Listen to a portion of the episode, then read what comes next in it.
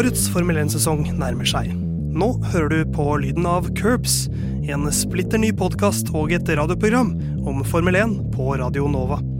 I denne episoden får du vite litt om hvem vi er, før vi gir deg en gjennomgang av ting du bør vite før 2022-sesongen starter. Så her kommer altså den aller første episoden av Lyden av Curbs.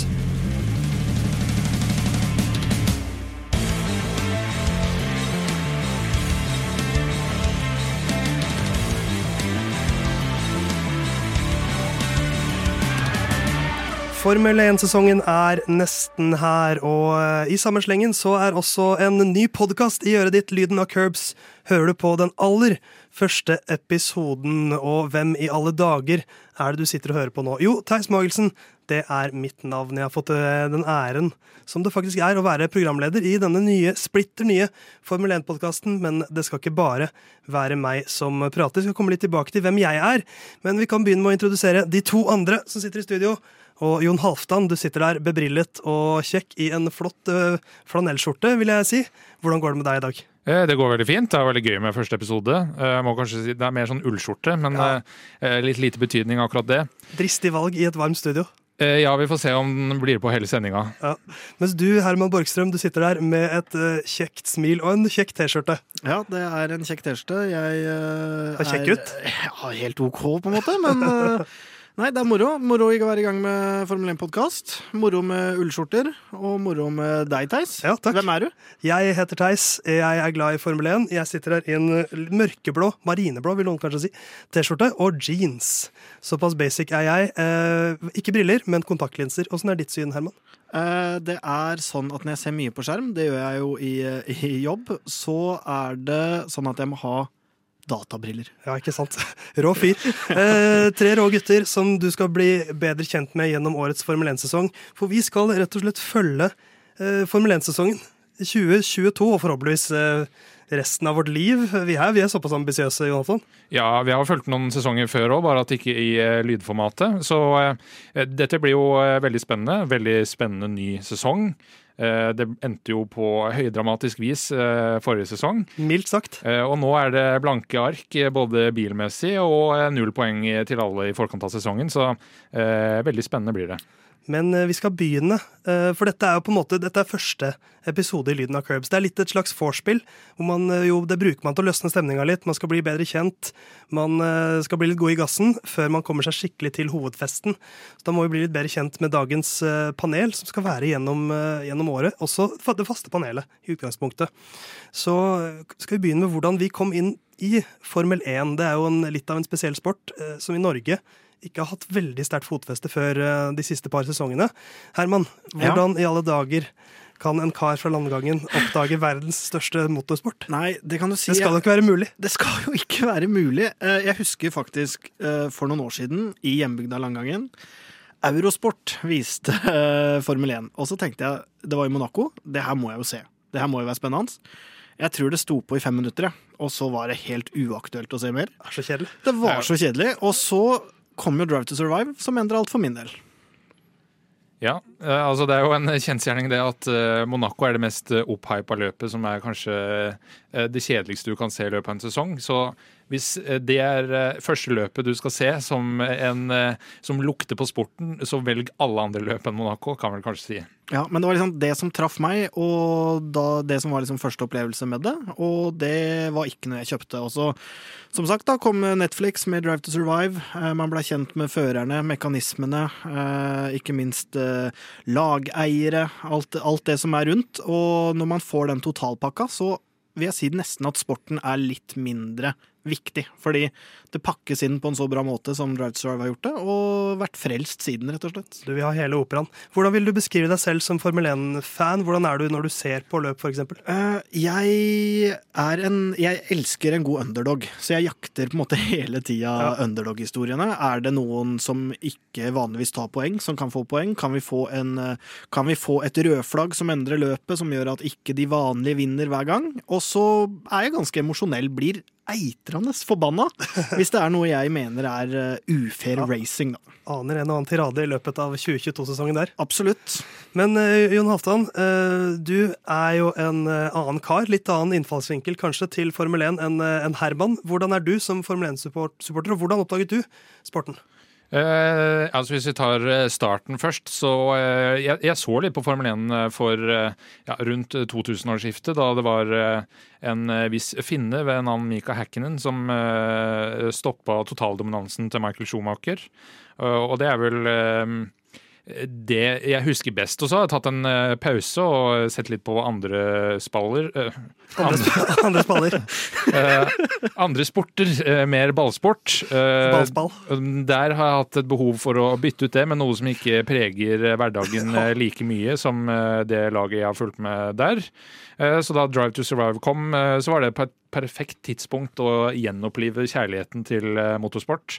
Eh, Og det er litt der jeg har endt opp nå, hvor bruker eh, eh, ganske mange mer flere timer på eh, Formel 1 enn eh, fotball i løpet av en uke. Føler du traff med den avgjørelsen med at det ikke skulle påvirke hverdagen din, når du nå har en egen podkast og radioprogram om Formel 1 som definitivt vil prege hverdagen og hverdagen din? Ja, og da kommer vi litt tilbake til eh, hvordan jeg er når jeg ser på løp. Fordi eh, jeg eh, i- kommer til å tilstrebe eh, nøytralitet eh, her. Eh, Men eh, mitt eh, Jeg holder jo med Max Verstappen i- og Red Bull. Og min hverdag påvirkes i stor grad av hvordan det går i selve løpet. Dessverre. Så jeg har jo dratt med meg det inn der. Eh, Så, eh, så jeg er en som eh, jubler og blir forbanna og snakker til TV-en når jeg ser på Formel 1-løp. Så så du har, påbyr på har påberopt deg først en slags nøytralitet. Så du, du er på en måte vår Sveits, men du grenser mot Østerrike, der Red Bull kommer fra. Ja, det er riktig. Ja. jeg har jo litt jeg, har, jeg føler jeg er en slags miks av dere to, for jeg husker tidlig 2000-tall. Da så jeg litt på Formel 1 på morgenkvisten ofte. TV 2 tror jeg hadde rettighetene da. Eh, og da husker jeg Schumacher, spesielt Ralf, som kjørte så det suste rundt omkring masse rare baner. Jeg skjønte jo ikke hva som skjedde, men det var biler som gikk fort. Så har jeg jo en far som har jobbet en del i bilbransjen, så jeg har alltid vært litt sånn fascinert av, av biler. Og alltid kjørt mye Formel 1-spill. Det har jeg også gjort i sånn fra 2010 så fikk, hadde jeg en sånn periode hvor jeg begynte å kjøre masse Formel 1-spill. Selv om jeg ikke så på. Og så var det Drive to Survive. Selvfølgelig var det det. Vi er tre basic boys som eh, kom inn i dette igjen gjennom Drive to Survive, men som jeg føler har på en måte Vi har, vi har ikke bare skummet fløten, vi har gått litt under overflaten også. Absolutt. Og så ser jo jeg nå en endring på oss Drive to Survive-gutter. Eh, Du har de, og der vil jeg si Jon Halvdan er litt, som nå hever seg på en måte litt over Drive to Survive-fans. Og så begynner det og liksom, Det er altfor alt mye sånn der dramatikk. Det narrativet var Ja, ikke helt falske sånn. narrativer. Ja, jeg er ikke med på det i det hele tatt. Den sporten har blitt populær pga. Netflix og Drive to Survive. Pga. de dyrka sånne type historier. Det syns jeg de skal fortsette å gjøre, og jeg kjøper det til gangs. Jeg, jeg- men, altså, all respekt til Drive to Survive og det de gjør, og hvis folk liker det, så er det altså, Jeg ser ikke ned på Drive Hvis to liker det. Survive-fans. Ja, Veldig jeg- Eivind jeg- jeg- Hellstrøm-posisjon her nå. Nei, nei, jeg, ser jo, jeg kommer jo til å se denne sesongen også, men jeg syns de tar seg for mange friheter med enkelte ting. Og sånn jeg har hørt f.eks. nå, eh, denne sesongen, er at eh, pole position, eller andreplassrunda eh, under kvalifisering i spa for George Russell for Williams, den, der kjører han sammen Sing sikkert ti ganger i løpet av uh, replayen av det. Og det er en ting jeg ikke er så veldig fan av. Og vi skal nok, eh, tipper jeg, kanskje lage en egen spesialepisode om Drive to Survive om uh, noen uker, når folk har fått litt tid til å se på den. Kanskje. Og, så, legger vi Drive to Survive-debatten død. For det, det har positive og negative sider, akkurat som oss. Men vi, er jo, vi, vi skal jo ikke påberope oss at vi har en lang, dyp ekspertise gjennom mange tiår. Men jeg vil si at vi, vi, vi skal stjele et ordtak fra Bærum og Beyer snakker om greier. Vi er tre Formel 1-glade gutter som har lyst på en Formel 1-glad person til. Og det kan være deg der hjemme som sitter og hører på. Vi kan bare være dine samtalepartnere, der du kanskje er den stille fjerdepersonen som sitter i hjørnet og bare er glad for å lytte. Absolutt. Og ta, altså, du kommer jo til å havne i en situasjon som lytter, hvor du kommer til å være sterkt enig eller sterkt uenig, og det tenker jeg jo er bra. Og vi søker jo gjerne etter hvert innspill, sånne type ting. Vi vil jo gjerne høre fra flere, om vi er helt på jordet eller ikke. Og sikkert om Jon Halvdan eller jeg tar mest feil. Eller meg. Eh, sjekk ut curbs.no, og følg oss også på Instagram. Lyden av curbs heter vi der.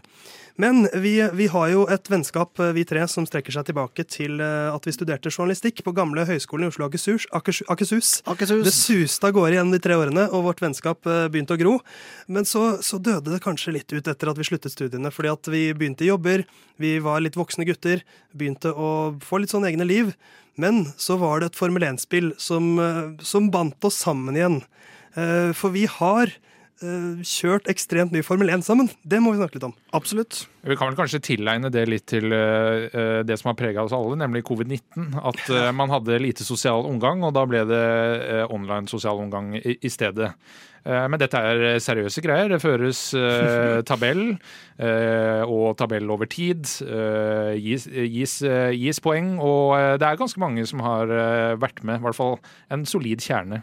Og vennskap har blitt testet og knakt og braket som en bro under tusen manns gange, men de har holdt, stort sett i hvert fall mellom oss.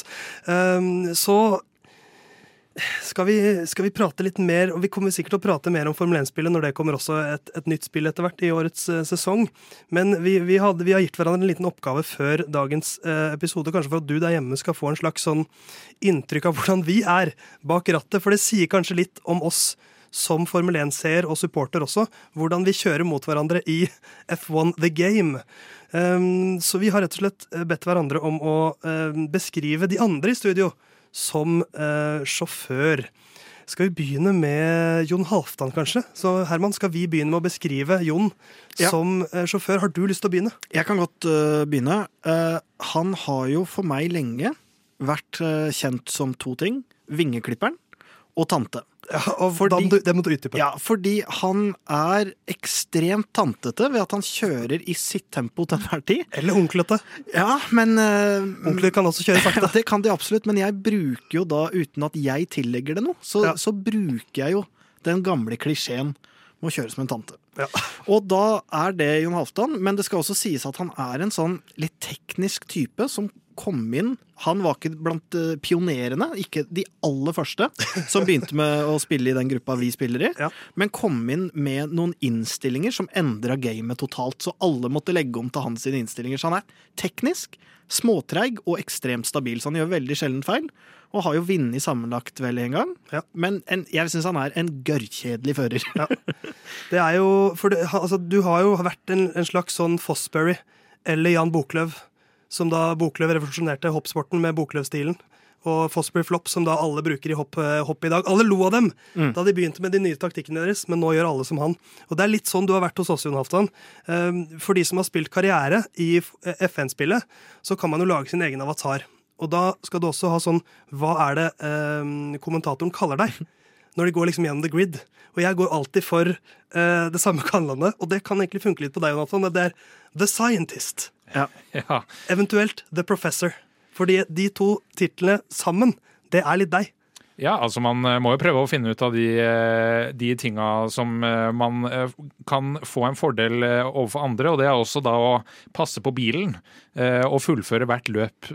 Som gjør også at det går ganske, ganske greit. Ja. Eh, Ekstremt stabil er du jo. Så, så er du fornøyd med, med karakteristikkene? Føler du de treffer? Føler du du ikke fortjener det du har Ja, fått det her? er, det er karakterdrap at jeg tar vinger, altså. Det er det. Eh, Men eh, det, det får nesten stå for Hermans eh, regning. Ja, for vi skal ikke ta den, den diskusjonen altfor langt nå. Eh, kan jeg få litt beskrivelser nå, kanskje? av dere, Jon Halvdan, nå har du fått mye både dritt og litt skryt, føler jeg. da. Du blir jo nevnt som en revolusjonær. Ja, Men, men eh, jeg vil gjerne ha noen beskrivelser selv. Hva, Ja, og- hva, hvem er jeg? Og, og dette vil jo være primært skryt, da, men eh, du eh, er litt som Alain Prost, uh, med en miks av Louis Hamilton. Stor nese? Stor nese. ja. Jeg ser ikke nesa di når vi spiller, men eh, du er på en måte rask uten å være spektakulær, og Takk. er du tar de kyniske avgjørelsene du trenger, eh, à la eh, nest siste sving i Japan eh, mot Ayrton Senna. Så, ja. så du, du holder plassen din hvis det gagner deg. Og det som er da Louis Hamilton, er den litt klassiske Louis Hamilton starter langt nede eller har gjort det dårlig, men så plutselig så er den oppe der når det skjer et eller annet. Så plutselig oppe høyt oppe og eh, generelt stabil, men også veldig rask. Eh, og også da mestvinnende eh, by far eh, blant oss i målgang bak safety car, som vi kaller spillgruppa. Ja. Så Det eneste jeg hørte der, var stor nese, så takk for den, Jon Halvdan. Jo, vær så god. Uh, hva vil du si, Herman? Nei, du er jo en slags Jon Halvdan på steroider. Du er raskere og kjedeligere, på en måte. Og så er du litt kynisk til tider, uh, selv om du på en måte er veldig diplomatisk. Tar sjelden stilling, f.eks. når jeg har rota meg opp i, en, eh, opp i en situasjon, så er du stille. Du tar ikke noe stilling til det, men samtidig så har du den jeg syns jo f.eks. Louis Hamilton nå i de senere år har vært veldig sånn politisk korrekt og sagt, gjort bra intervjuer og vært liksom redelig. Du har litt den stilen, men samtidig den killeren han har òg, da. Sånn at eh, vi i en annen gruppe som var intern utafor liksom, eh, hele FN-gruppa, så blei du på et tidspunkt kritisert fordi du var en som ropte 'Kommer på inneren! Kommer på inneren!' Fordi da, da, er det jo på en måte sånn at du skal ha din plass, ja, ja. Du, du, og du bare caller den ut. Men så skal det jo også sies, vi har jo Sida-nivå. Du kjører hver eneste sesong i den dårligste bilen, så, de, så, det er litt forståelig at du må ta og ha litt spisse albuer, men, eh, men, det er en kyniker inni det kjedelige der. Ja, En kyniker inni det kjedelige, det er meg fint oppsummert. Ja, det er... Men uh, da er det jo en kar igjen her uh, som sitter og blomstrer.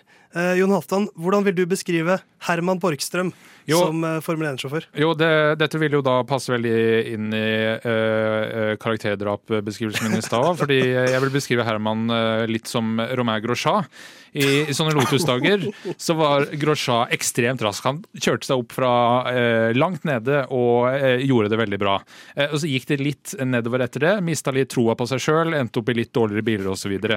Men Grosjean også, eh, iallfall Grosjean sin Race Engineer, har et av de mest eh, spektakulære eh, sitata da eh, Grosjean på, eh, under oppvarming av dekk under safety car kjører inn i veggen.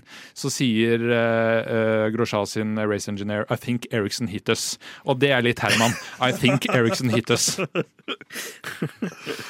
er lettere å skylde på andre. Uh, jeg har tatt med et lydklipp, Herman. Oi. Som jeg føler oppsummerer deg som sjåfør, så vi kan høre på det.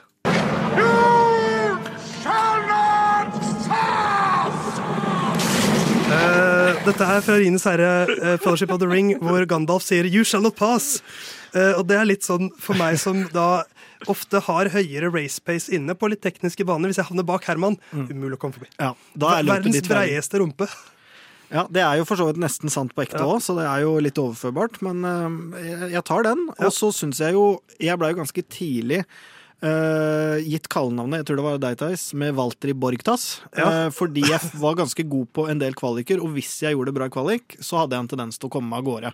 Hvis jeg havna i feltet, så var det litt som Bottas. Da var det mediokre greier. Ja, og du er jo Du har også en, en altså den, den, kanskje skjøreste eh, mentalstyrken eh, som jeg har vært borti. hvis, hvis noen har sett filmen Rush så har jeg flere ganger sammenlignet Herman litt med James Hunt i den filmen. Eh, og ser litt på meg selv som Nikki Lauda. Ja, så ydmyk er jeg. Uh, og da er på en måte mitt budskap hver gang Herman graver seg ned i et hull, at jeg trenger deg, Herman. Du gjør meg bedre. Kom deg tilbake på jobb. Og så er Herman da ja. Men så kommer han tilbake på jobb til slutt, da. Ja, men det er sant, for jeg var jo lenge den som var nærmest å pushe deg ganske sånn jevnt over, og så har vi blitt flere som er, eh, som er nærme deg nå, og en del som faktisk er nærmere enn meg òg, dessverre. Så jeg, jeg ser den. Så da har du der hjemme blitt litt bedre kjent med oss, og bedre kjent med oss skal du selvfølgelig bli gjennom 2022-sesongen. Men det er jo en ny sesong som ligger foran oss. Den skal vi prate litt om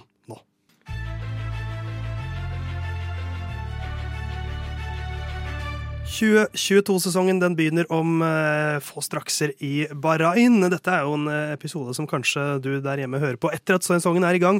Eh, lurer på hvordan det går. Hm, det får vi sikkert vite etter hvert. Men eh, Jon Halvdan, en ny sesong ligger foran oss med, med, Formel 1. Og nå skal vi ha en slags sånn Formel 1, 2, 3. Ja. Det er jo et flott ordspill, syns jeg, først og fremst. Men også er jo målet vårt at vi skal kanskje lære deg litt hva må du vite før årets sesong. Og hva må man vite? Ja, Det må jo ikke forveksles med at vi skal snakke om Formel 1, 2 og 3. Nei, nei, nei. Vi skal bare snakke om Formel 1. Men på en 1, 2, 3-måte. Ja. Det aller viktigste er jo kanskje eh, i løpet av Formel 1-sesongen så er det to mesterskap. Du har førermesterskapet, der hver fører tar poeng. Eh, og det er kanskje det som er mest heder og ære, å vinne, eh, vinne førermesterskapet.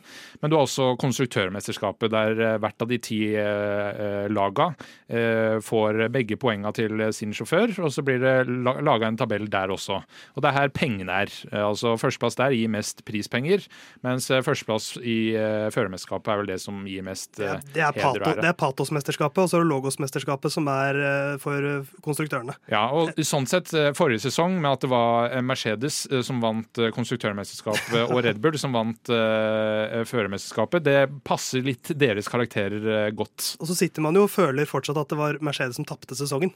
Uh, Så det, det føler jeg jo sier litt om hvordan man vekter de, Eh, absolutt. selv om de vant sånn teknisk sett. Ja, og de, det, det gikk vel noen rykter om at det var grei feiring eh, dagen etterpå, Ja, eh, eller på kvelden etter siste runde.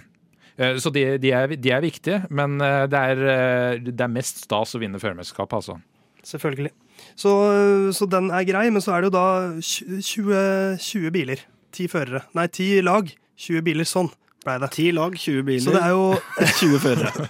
Det er jeg som er programleder, tenk det. Hvorfor er det, hvorfor er det gitt meg den rollen? Men det er jo et utrolig trangt nåløye. 20 mann som har fått plass. Um, og stort sett er det de samme gutta som i fjor. Ja, det er jo ti lag, og tenker kanskje at vi kan starte gjennomgangen eh, fra bunnen av konstruktørtabellen fra i fjor. Og da nederst finner du jo da Has. Eh, eh, Du For de heter bare det nå. Akkurat nå heter de det. Vi får se om det kommer en tittelsponsor etter hvert. Men de var da kjent som Uralkali F, eh, Has F1, men det er de ikke lenger fordi Russland har invadert Ukraina. Eh, de har jo da Ferrari-motor. eh, en ganske, for de som har sett Drive to Survive, en ganske profilert eh, team principal i Gunther Steiner. Gunther Steiner, Han er fra Østerrike. Jeg tror det. Eh, han er vel fra en uh, en plass i Italia hvor de snakker tysk, tror jeg det er. Ah, Tyrol. Ja, det er noe uh, spesielt, eh, spesielt akkurat der. Eh, og da er det jo um, en retur da, eh, for eh, det som skulle vært Nikita Maspin sin plass, som blir overtatt av dansken Kevin Magnussen. Og det er absolutt gøy at vi har en skandinaver eh, tilbake igjen i Formel 1-sirkuset. Eh, Og han er jo da selvfølgelig eh, lagkamerat til eh, sønnen av eh, legenden eh, eh, Michael Schumacher, nemlig Mick Schumacher. Eventuelt nevø av legenden Ralf Schumacher. Ja, Det kommer an på hvor, hvor du står i akkurat den eh, Michael-Ralf-debatten. Vet du hvor jeg står? Eh, ja, så det er de to. Uh, hvem, var, eh, hvem var plassen over i fjor? Var det Williams eller var det Alfa? Nei, Det var Alfa Romeo, faktisk, med ti poeng. Ja, ikke sant? Oi. Men de har også to nye, eller ikke også, de har to nye sjåfører i år. Eh, De har to nye sjåfører. De har da Guan Yu Shou, som er første kineser i Formel 1, så vidt jeg vet. Det er så vidt jeg vet også. Er, vi alle, er det så vidt alle vet? jeg vet. Ja. Eh, og de har jo da også um, Valtteri Bottas, som eh, kommer fra eh, Mercedes eh, og skal nå inn og være eh, team leader i eh, Alfa Romeo, fra å være andrefiolin i mange sesonger i Mercedes. Så det blir jo spennende å se hvordan eh, den dynamikken i laget der blir eh, når sesongen eh, utfolder seg. Og de kjører vel også med Ferrari-motor. Det gjør de. Og den var jo ikke spesielt bra i fjor, så vi får håpe for deres del at den er bedre i år. Absolutt. Lykke til. Eh, masse lykke til. Masse lykke til. Og på plassen over, Jon. Eh, Der er det Williams, og de har da eh, Mercedes motor. Og der er det litt nytt og litt gammelt. Eh, Du har eh, pengene eh, til eh, Nicolas Latifi, som holder den fortsatt i laget. Eh, Men har jo gjort det overraskende greit. og begynner å bort. Altså. eh, begynner å se ut som en mer etablert fører. Eh, Og han får jo da eh, selskap med eh, tidligere Red Bull, Red Bull og Toro Rosso-sjåfør Alexander Albon. Eh, Så det er jo alltid gøy å se noen kjente fjes eh, igjen. Så får vi håpe at det går litt bedre eh, denne sesongen for Albon enn det gjorde i Red Bull. Er det den driver-duoen i år som har høyest snitthøyde? Det må det vel nesten være. Jeg tror Lance Stroll også er ganske høy, men Fettel er ikke så veldig høy. Så setter en knapp på Latifi og Albon der. De blir lette å se, i hvert fall. Jeg tror Ocon er den høyeste føreren. Men eh, jeg tror ikke jeg tror Alonso. Alonso drar det ned. Mm, tror jeg. Men da har vi Latifi og Albon i Williams. Vi får håpe de får det litt bedre til enn eh, de siste sesongene. Det har jo gått oppover med Williams. Neste lag på lista, Jon. Eh, Det er da Aston Martin. Eh, De er også Mercedes-motor, og leda, eller eid av den største rumpa i Formel 1, eh, nemlig Lauren Stroll. Har fått skjegg òg, han. Har fått skjegg. Syns ikke det ser bra ut med munnbind over. Det, som en mann med skjegg selv, det, det, ser, det ser aldri bra ut med munnbind over skjegg. Det er sant, men jeg må anerkjenne utseendet til, til eldstemann Stroll. Eller jeg vet ikke om han er eldst akkurat, men, men, ja, men eh, jeg syns han har en eh, I hvert fall sånn han er portrettert i Drive to Survive, og også hvordan han klippes inn i livesendingene i, eh, i F1-løpa. Det er helt nydelig å se den mannen, altså. Han har en tilstedeværelse som få andre, Ja. det kan vi si. Det er noe båndhvilen over eh, opplegget, uh, men han har jo da også sin sønn, uh, Lance Stroll, som har det ene setet. Og så er det jo da, eh, f eh, som har vunnet faktisk eh, førermesterskapet fire ganger, Sebastian Fettel eh, ved siden av seg. Eh, uten at det ga umiddelbar su eh, suksess forrige sesong, så vi får se om bilen kanskje er litt bedre i år eh, enn den var i fjor. Aston Martin, et av de mest kjente navnene i, i motorsporten. Vi får se om de får, får den i fronten i år. Hvem var over dem på tabellen i fjor, Jon Halvdan? Da var det Alfa Tauri. Eh, De har jo da eh, motor fra det som heter Red Bull Powertrain, eh, tidligere kjent som Honda. Eh, og det er jo Honda som har produsert de motorene, så det er jo kun i navn, egentlig. Det er en Red Bull-motor. De har uh, um, Pierre Gasli er uh, vel hovedsjåfør i Det må vi kunne si. eh, Og så har du også Yuki Sunoda, som er japansk. Og den laveste Ja, den laveste. av alle. Han har slitt litt med å tilpasse seg europeisk eh, og et annet treningsregime, eh, Yuki Sunoda. Men eh, virker å ha tatt opplegget mer seriøst nå. Han ble jo sjøl overraska over at han fikk lov å fortsette i Alfa Tauri. Så det er jo da om å gjøre å benytte muligheten denne sesongen. Så se opp for Gasli og Sunoda. Spennende duo, det. Neste lag vi skal til, Eh, Alpin. Alpin. Og de er jo da, det er jo racingdivisjonen til Renault, så de har da ikke overraskende nok Renault-motor. eh, Som også da eneste laget med Renault-motor, så de får da minst data på sin motor, sammenlignet med f.eks. Mercedes. Eh, Og de eh, er jo da eh, to ganger verdensmester Fernando Alonso, som er sammen med Esteban Esteban Ocon. En Herman Borgstrøm-favoritt. Ja, han kommer jo fryktelig godt ut av Drive to Survive, syns jeg, med å være så hardtarbeidende, ha en far som har lagt ned all innsatsen for at han skal komme dit han skulle komme, bli sendt ut på grunn av at en pengesterk fører tar setet hans og hele den pakka der. Ja, en nydelig story. Så vi får se. Han fikk jo sin første løpseier i fjor. Vi får se om det blir flere på han i, i år. Um, og så begynner vi å nærme oss toppsjiktet igjen, i hvert fall fra fjorårssesongen. Ja, det var jo, vi har jo på en måte vært gjennom eh, midtfeltet nå, hvis vi kan si det. Og så er det liksom eh, mellomfeltet, eh, som eh, eh, nederst der eh, forrige sesong var McLaren, som har Mercedes-motor. Eh, Og de har samme førerpar som i fjor, eh, i eh, Daniel Ricardo og Lando Norris. Norris gjorde det jo best av de to forrige sesong, og Ricardo slet med å liksom komme inn i bilen, men det gjorde han også da han starta i Renault. Så eh, all grunn til å tro at det kanskje kan se litt bedre ut, uh, men eh, vi får se hvordan det ender opp uh, til slutt. Ja, nå har jo Ricardo har vel ett år igjen på kontrakt, eller dette er siste sesongen hans på kontrakten. Eller er det ett år til? Men uansett, Norris har jo kontrakt nå ut 2025, så det er ingen tvil om hvem de i hvert fall ser på som en av sine langtidsalternativer der. Så litt press på Ricardo, må vi kunne si. Absolutt. Så får vi se om de klarer å ta tilbake tredjeplassen igjen. For på tredjeplass i 2021 så var det Ja, da er det jo det som er kanskje eh, Formel 1s største ikon, Ferrari. Eh, det Ikke er, bare kanskje. nei, det er ikke noe Formel 1 uten Ferrari, og det er ikke noe Ferrari uten Formel 1. Nei, det, det er sant. Eh, og der er det jo da et eh, veldig sterkt førerpar i, eh, i Charles Leclerc og eh, Carlos Sainz. Eh, de eh, Altså eh, Bilen ble bedre ut, utover sesongen, så de endte opp på en ganske sterk tredjeplass eh, og slo med nesten 50 poeng McLaren, og det er veldig, veldig imponerende forrige sesong. Og førerparet er absolutt veldig sterkt, så hvis de nå har fått stell på bilen, så kanskje det er eh, noe bra å se denne sesongen for Tifosi. Så Ferrari har jo selvfølgelig da sin egen motor. Det vært hvis de skulle brukt Renault. Eh, På andreplass i konstruktørmesterskapet så er jo ditt favorittlag, Herman, Red Bull. Eh, ja, det er vel eh, ikke akkurat mitt favorittlag. Det er vel i motsetning til Jon Halvdan det eneste laget jeg ikke liker. Eh, så det er riktig, det. De har jo den samme motoren vel som det her Alfa Tauri-laget med Red Bull, eller Honda. Samarbeidet Red Bull-Honda. og har Verstappen og Perez som førere, da. Verstappen, som apropos kontrakt, har signert en ny, lang, lang lang kontrakt.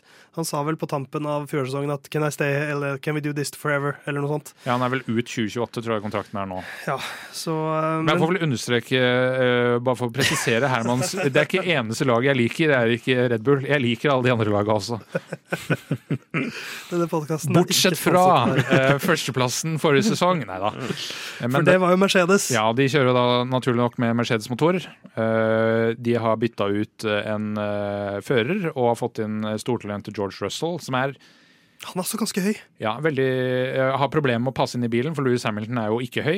Og vi snakker relativt høy her, fordi jo lavere du er i Formel 1, jo mer lønner det seg, fordi vekt og du passer bedre inn i bilen. Eh, Det blir jo da spennende å se hvordan eh, det denne sesongen går når man bytter ut en eh, klassisk andrefiolin i Valtteri Bottas i det mange har snakka om med talent oppe ved, i Max Verstappen-klassen. Så vi får se litt hvordan denne sesongen utfolder seg politisk innad i Mercedes. Eh, Men eh, de er ikke noen jeg ville regna ut av mesterskapet noen gang. Nei, så er det jo en, verdt å merke seg at det eneste laget med samme nasjon på skinner for fører, det er det tyske. Men jeg hadde sett for seg at to briter skulle kjørt for Tyskland for 70 år siden, si. Eh, Ingen. De aller færreste, i hvert fall. Men sånn er altså førerkabalen i eh, 2022.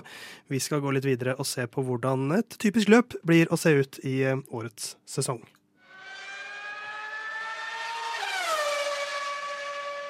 Fortsatt er det jo litt uh, usikkert nøyaktig hvor mange løpshelger det blir i år, men uh, 20 pluss kan jeg i hvert fall si, og, og ca. 23 er vel det vi lander på til slutt. Um, og de, de Formel 1-helgene, for det er alltid rundt helgene det er sentrert, de har jo en sånn egen, uh, egen følelse, en egen slags crescendo. Hvordan følger du, eh, Herman, eh, en Formel 1-helg? Jeg følger den på følgende måte. Jeg, eh, jeg neglisjerer, eller i hvert fall har gjort, eh, treningene. Ja. Det interesserer Aldri trodd på trening. Nei. Trening er ikke det som leder noe sted. Eh, Sånn at det er rett og slett noe jeg ikke følger med på.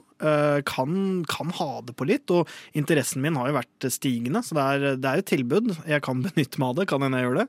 Men for min del så er det jo lørdag formiddag, kvalik, eh, søndag løp. Eh, det er det det går i for min del, og det er noe jeg alltid ser. Hvis ikke jeg av en eller annen grunn skulle kunne se det live, så isolerer jeg meg og ser det i opptak. For det her er eh, helgens høydepunkt for min del. Stemmer. Jeg er også god på å isolere meg. Jeg jobber veldig ofte på søndager, og det er jo synd når man følger en sport som en annen sport som, hvor det skjer mye på søndager, at, um, at jeg, jeg, jeg gjør den isolasjonen ganske ofte, jeg også. Um, Jon, du er også en engasjert kar, men du, følger du mer med på trening, kanskje?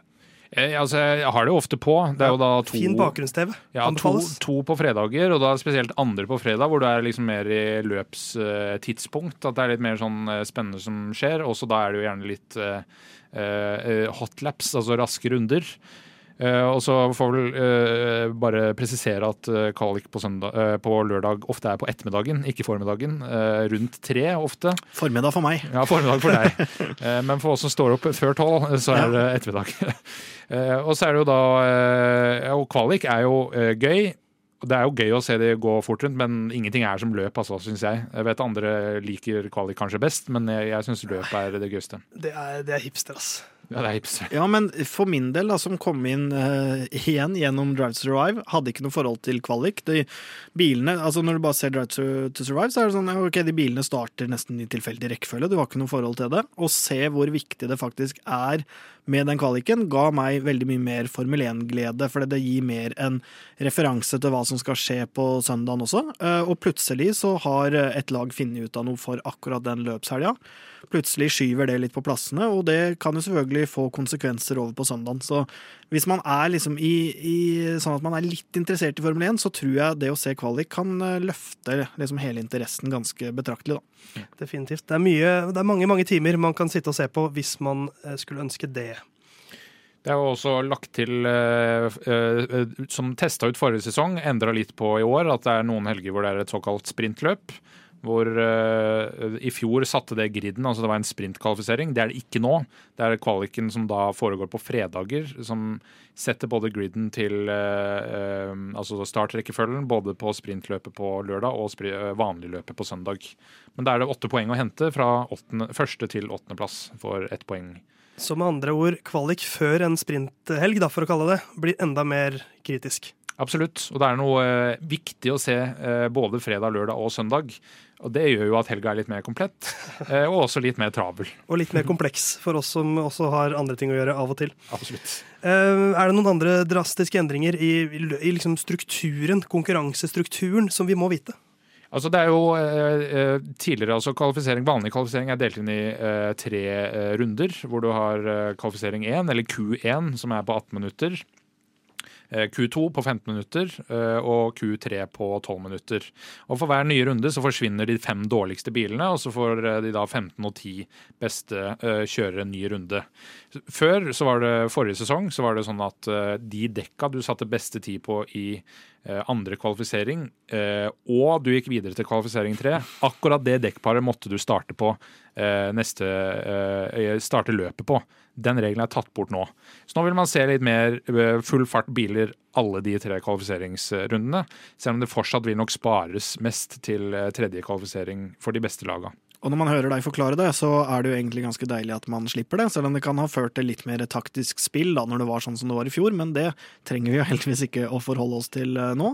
Og så er det jo vanlig i hver av de her kvalikene, da, Q1, Q2 og Q3, at man kjører to runder, da. Så du prøver jo egentlig å sette en så god tid som du kan, og har på en måte to forsøk. Så hvis du gjør en kjempefeil i den ene, så er det masse press på andre forsøk, da. Ja, det, Men eh, det gjør at å ta bort regelen gjør det egentlig eh, mer komplekst eh, strategisk, fordi det er mer åpent. Men det er for de litt dårligere laga, som f.eks. Eh, kvaler på en tiendeplass, mm. å må starte med softdekk, for det var det de, eller altså de mykeste dekka som varer kortest for å komme seg inn til tredje kvalifisering. Så har du det da som heter strategisk pole position, altså ellevteplass. De kan da starte med mediumdekk og kjøre lenger. Og da er den uh, ufordelaktig å ende opp på en tiendeplass fordi du har dårligere dekk. Så den uh, dårlige fordelen tas bort nå, og det er veldig bra. Mm. Nye tider på eh, dekkfronten, altså fritt fram uh, fra kvalik til løp. nyvinninger er det på bilfronten også, vi skal prate litt om det nå.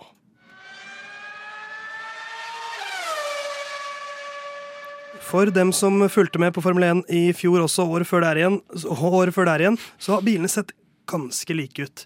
Men det har vært en enorm regelendring. Eh, den største på lang, lang, lang, lang tid, som forhåpentligvis skal skape tettere racing og mindre forskjell mellom de beste og de dårligste. Eh, Herman, du har fulgt, fordi du, Greit, du gir faen i trening, men er det noe du kan sette pris på, det er testing. Så hvordan syns du bilene ser ut sånn estetisk i forhold til hvordan de så ut i fjor? Ja, Nå kommer vi jo tilbake til hva vi tror om sjølve testen, men hvordan det ser ut, så syns jeg bilene ser kule ut. De litt større dekka eh, gjør en forskjell, og så er det jo for meg da, er kult å ha litt eh, variasjon. Det trenger ikke være så himla mye, men tidligere år så har det nesten bare vært liksom fargeutvalget som har endra seg. Her er det litt forskjellige design og litt nye typer design. Og så har jeg selvfølgelig veldig tro på det at man tilrettelegger for mer racing. Da. At det skal være mulig å ligge tettere på hverandre. Så jeg tror jo for mange som meg, som har kommet inn i Formel 1 nå ganske seint, at det her på en måte kan være et veldig fint vendepunkt, da, og som kan øke interessen ytterligere. Fordi nå kan man få seg nye favoritter, og det kan velte litt på maktbalansen i hele Formel 1-sirkuset. Det er jo målet. De er veldig bevisste, de som leder dette, med at dette er, det er underholdning. Det må være spennende. Eh, og også med budsjettak nå, som er innført, som gjør at eh, Lagene kan ikke bare, for sånn har det vært litt før, at de bruker så mye de har. Eh, og nå bruker de fortsatt så mye de har, men det er tak på hvor mye de har lov til å ha. Eh, men eh, litt mer teknisk, Jon. Nye dekk, det er ingenting. Men det er jo en drastisk endring på bilene her. Hvordan skal man skape tettere racing med å endre på bilene? Ja, Endringa er veldig dramatisk. Ja, veldig dramatisk. Det er, det er det som heter uh, Altså, de gamle bilene var veldig basert på uh, mye sånn fikse detaljer på siden av bilen, og frontvinge og bakvinge. Og det skapte mye turbulent luft bak bilen, som gjorde at det var vanskelig å ligge tett på. Og du må ligge tett på for å være i nærheten av å kunne bremse seinere enn konkurrenten på veien i en sving, f.eks., for, eksempel, for å kjøre forbi. det er erstatta nå med det som heter ground effect, eller altså eh, marktrykk. Marktrykk, ja. Man, bilen, Høres ut som en vekt, eh, altså styrketreningsøvelse. Ja, det gjør egentlig det. Men det er, eh, eh, lett forklart så er konseptet at man skal skape vakuum under gulvet på bilen for å trekke bilen mot eh, bakken og skape, skape downforce eh, på den måten. Eh, og det eh, skal i teorien gi, i kombinasjon med litt sånn endring av vinger sånn og sånn, eh, mindre dårlig luft bak bilen, for å kalle det det, som skal gjøre at det blir lettere å følge hverandre tett og dermed kjøre forbi osv. Så, videre. så gjenstår det å se om det faktisk virker. Hvis det ikke Ja. gjør det, så har man gått gjennom en stor regelendring for ingen grunn. Men eh, det, det virker til nå at det er i hvert fall håp for at det kan være litt tettere racing. Jeg, tror, jeg, jeg tenker jo at på lang sikt så er dette budsjettaket et større et, et, et, tryggere grep Ja, fordi, på, på å sørge for at det er jevnt, i hvert fall, enn å kanskje skape flere forbikjøringer. Det er jo ikke så lett. ja, og det er jo uh, Liberty Media som eier eh, Formel 1. Uh, kjøpte det fra Bernie Eccleston, som er uh, syvende far i huset for Formel 1. Eh, han har vel også barn til syv, minst. Uh, Ha syv han offentlig, i hvert fall. Ja. Uh, han, eh, de er veldig opptatt av at det skal være lønnsomt å være i Formel 1, at man skal tjene penger på. For det er jo en gammel saying at eh, hvordan tjene en liten formue på å kjøre i Formel 1? Jo, det er å starte med en stor en. Eh, så nå er eh, poenget at man skal tjene mer penger, og det skal være ikke eh, noen lag som f.eks. Mercedes, Ferrari og Red Bull kan kaste ubegrensa mengder penger på et problem i form av manpower. Det eh, er det slutt på nå. Og det er bra, eh, til syvende og sist. Utvilsomt en god ting. Så bilene de har også nå som mål å kaste mer, i, mer av luften opp i lufta, sånn at det blir mindre skitten luft bak hver bil. Da kan du ligge tettere på.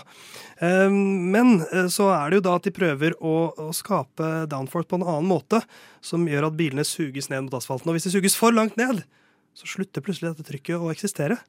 Og da får du en rar effekt, som er oppkalt etter dyret nise. Så vi burde egentlig kalle det nising på norsk. Men på engelsk Herman, så heter det Porpoising. porpoising. porpoising. Det er mm, nising, porpoising.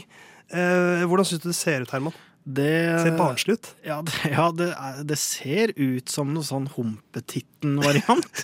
hvor, Det er, jo nettopp det det ser ut som. Ja, og det er jo særlig illustrert ved Mercedes til nå, da. eh, Med å humpe bortover de raskeste strekkene, eh, hvor eh, de da blir sugd ned og slippes opp og sugd ned og slippes opp, som høres fryktelig, Ja. fryktelig lite behagelig ut. Og huene svaier som om de var på en eh, fet konsert på førerne, rett og slett. Men bare ekstrem eh, frekvens på headbangingen. Ja. Men se for deg en, en nise eller en, et lignende dyr som svømmer. Hva er en nise? En nise er en hval. Det er en slags, eh, en slags delfin på steroider. Du drar inn steroider igjen, ja. Jeg, er ikke eh, nise- eller eh, hvalekspert, men uh, ja, de, de hopper Det kan vel egentlig beskrives litt som eh, eller følelsen er at hvis du sitter og vipper på en stol, og akkurat idet du bikker over den Ja. der hvor du holder på å velte Ja, ja. bakover, det er liksom den gjentagende ganger. Ja. Ja, Og det, Den er ikke så dum, faktisk. og det ser veldig slitsomt ut. Ja. Eh, Så, det, så det, det, det er et begrep du der hjemme må kjenne til. Det kommer til å bli mye snakk om dette. Og det laget som kanskje gjør det best i år, er kanskje det som løser porpoising best. For det er jo bare å skru opp eh, høyden på bilen din, så går det helt fint. Men det er jo da mye performance du mister på å gjøre det. Ja, og, og det virker jo også til at øh, øhm, demperen er såpass mye stivere nå for å motvirke det problemet her, at det blir mindre kjøring på curbs. Og det er jo litt synd for oss. Det liker jo ikke vi som heter lyden av curbs. Nei, vi liker jo den lyden, så det blir det mindre av sannsynligvis denne sesongen. Eh, Men det virker Det er Mercedes, nei, Red Bull og McLaren har snudd om på dempesystemet. Eh, I motsetning til de andre laga. Og de er kanskje de som ser ut som de har løst porpoising-problemet best til nå. Så får vi se hvordan dette utvikler seg i løpet av sesongen. Eh, Men jeg tror porpoising kommer til å være noe vi snakker om eh, også før de siste rundene i 2022. Det er fare for det, eller kanskje er det bra at vi skal snakke om det. Er det andre begreper til årets sesong som vi tror det vil bli mye prat om, som man bør ha i verktøykassa si før man setter seg og ser årets sesong? Ja, på, på, For å ta noen av de enkle, da, så er det jo sånn som eh, undercut på når man pitter. At man kan prøve Det er noe du ber om hos frisøren ofte. Det er, det er nok en skinfade. det er nok en skinfade. Det vet jeg ikke er om vi det får studiet som bruker mest penger på frisør. Definitivt. Ja. nei, det er sånne ting. Det er jo DRS som fortsatt kommer til å være aktuelt, hvor man kan da eh, åpne bakvinga for å få kjøre litt eh, fortere på, på noen enkelte utvalgte strekker. Og det er jo noe sånn som sektoren, da. At hvis det er lilla, så er du den raske Hvis du får en lilla sektor som fører, så er du den som har kjørt eh, raskest der. Eh, er det grønn, så er det din raskeste tid. Og er det gul, så er det en tregere tid enn det du har kjørt før. Um, sånn at, uh, og hvis det, eller det er vel faktisk hvis det er rød, at det er en treigere tid. Hvis det gjelder kvalik og sånn. Gul er vel hvis det har skjedd et uhell, hvis ikke jeg blander helt nå. Jeg tror du blander litt, for gul er eh, dårligere tid enn din forrige tid. Ja, Men hvis det er gult flagg Gult Det- flagg, da har det vært uhell på banen. ja, det Det er markeres ofte med gult også, men det gjør det. ja, Så det, da blir på en måte hele sektoren gul, men det har ikke noe å si for tida til føreren. Nei, det har det Her ikke. kommer da min rolle som idioten inn i bildet. Ja, så vi kan jo bare ta altså, DRS, eller Drag Reduction System. For å få det, så må du være mindre enn ett sekund bak bilen foran eh, på stedet det måles, ikke stedet der du eh, åpner opp DRS. Så du kan være mer enn ett sekund akkurat da, hvis du ligger og vaker rundt, eh, men det måles på gitte punkter. Uh, og, men hva er en overcut uh, og en undercut?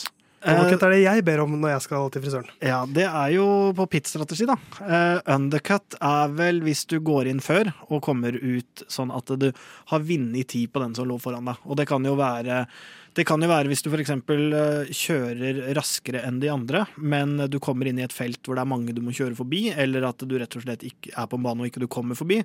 Så kan du velge å gå inn og pitte, eh, og da havne helt sist i løpet, f.eks.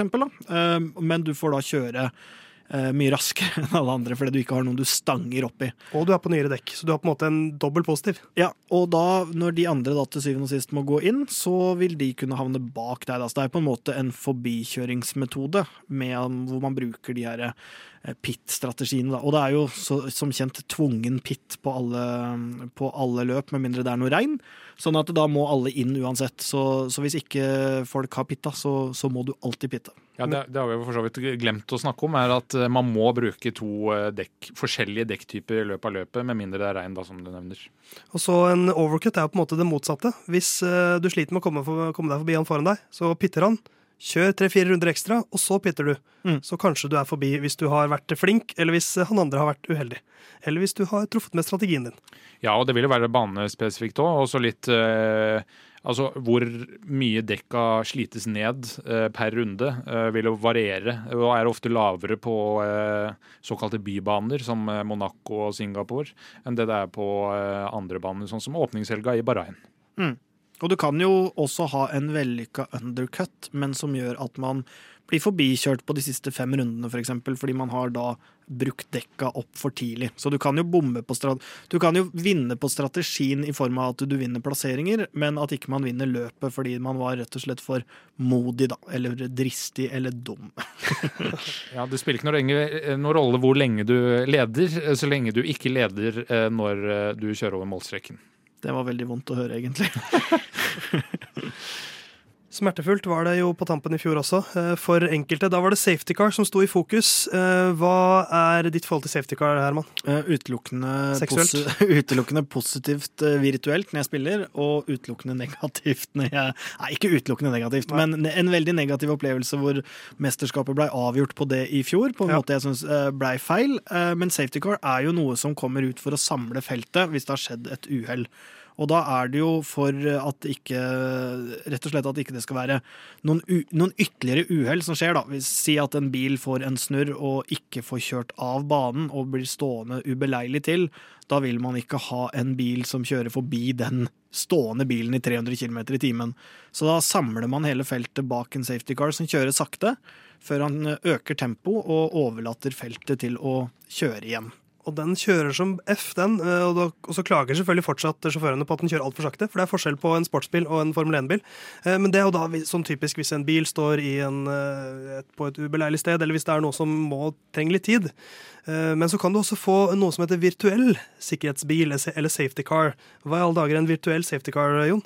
Ja, altså det er eh, en eh, Altså det det høres ut som, det er, en virtuell uh, sikkerhetsbil, men den samler ikke feltet. Du skal kjøre 40% redusere farta med 40% så du har På banen er det masse minisektorer. Vi snakker om de tre sek sektorene, og det er mange flere sektorer. og du har en gitt tid du skal komme til på hvert sektorpunkt.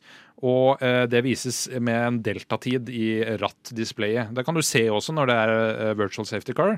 Kan du se ned i rattet, og så står det pluss et eller annet. Og det tallet skal stå pluss. Minus så nærmer det seg straff hvis ikke du får eh, det tallet pluss, som er da å kjøre saktere. Ja. Og det, har jo vært uh, uhell uh, med uh, i forbindelse med redning av bil tidligere. 2014 er jo sist dødsfall relatert til ulykke i Formel 1, som var Jules Bianchi, som kjørte inn i en bil som sto og fjerna en annen bil. Så Derfor de er veldig strenge på det her, at man ikke vil ha nye uhell. Og man har jo også mulighet til å rødflagge hele løpet, altså pause Eh, løpet, eh, returnert til eh, pit lane og stå der til vi har fått rydda opp. Og Det er jo typisk hvis barrieren er ødelagt eller man må bygge opp noe på nytt. F.eks. da Romain Grosjean krasja bilen og den begynte å brenne. Naturlig rødt flaggøyeblikk. Så da er eh, første episode av um, Lyden av Curbs blitt en slags sånn Dette er det du trenger å vite før du skal høre på Lyden av Curbs, og før du, trenger, og før du skal se på årets Formel 1-sesong. Um, vi gleder oss, gjør vi ikke det? Vi gleder oss, absolutt. Altså, jeg syns jo de her tre månedene fra desember til mars er noe av det kjedeligste jeg vet om. Så jeg ser veldig fram til at sesongen nå endelig er i gang. Og vi eh, følger deg gjennom hele Formel 1-sesongen. Hvor kan du følge oss? Jo, du har funnet oss i alle steder der podkaster kan spilles. Også på radionova.no kan eh, du finne oss. Vi er et radioprogram også. Og eh, følg oss på Instagram. Lyden av Curbs heter vi der. Følg oss på curbs.no. Ja, du kan sende e-post til postkrøllfracurbs.no hvis du har spørsmål, tilbakemeldinger eller anna eh, ris. Ja. Eller oss. Noen beving siste bevingede ord, Herman? Vingeklipperen? Nei, jeg er ikke noen vingeklipper, det skal sies. Uh, så lenge jeg er i racing line, så er det alle andre sin feil ja. enn min. Så da skal nei, du ikke passere. Nei, da skal ingen passere. Det bør de helst ikke gjøre uansett. Men ingen, uh, ingen kommentarer å tillegge herfra. Jeg håper nei. jo folk har kosa seg, da. Det håper jeg også. Har du kost deg, Jon? Jeg har kost meg veldig. Der holdt Jon på å sovne, for han hadde lent seg rolig tilbake og trodde han var ferdig, men jeg lurte han med den digre nesa mi. Jeg uh, sier takk for meg. Theis Magelsen her, Herman Borgstrøm der og Jon Halvdan Halvorsen der borte, han også. Vi er tilbake i øret ditt før du aner det.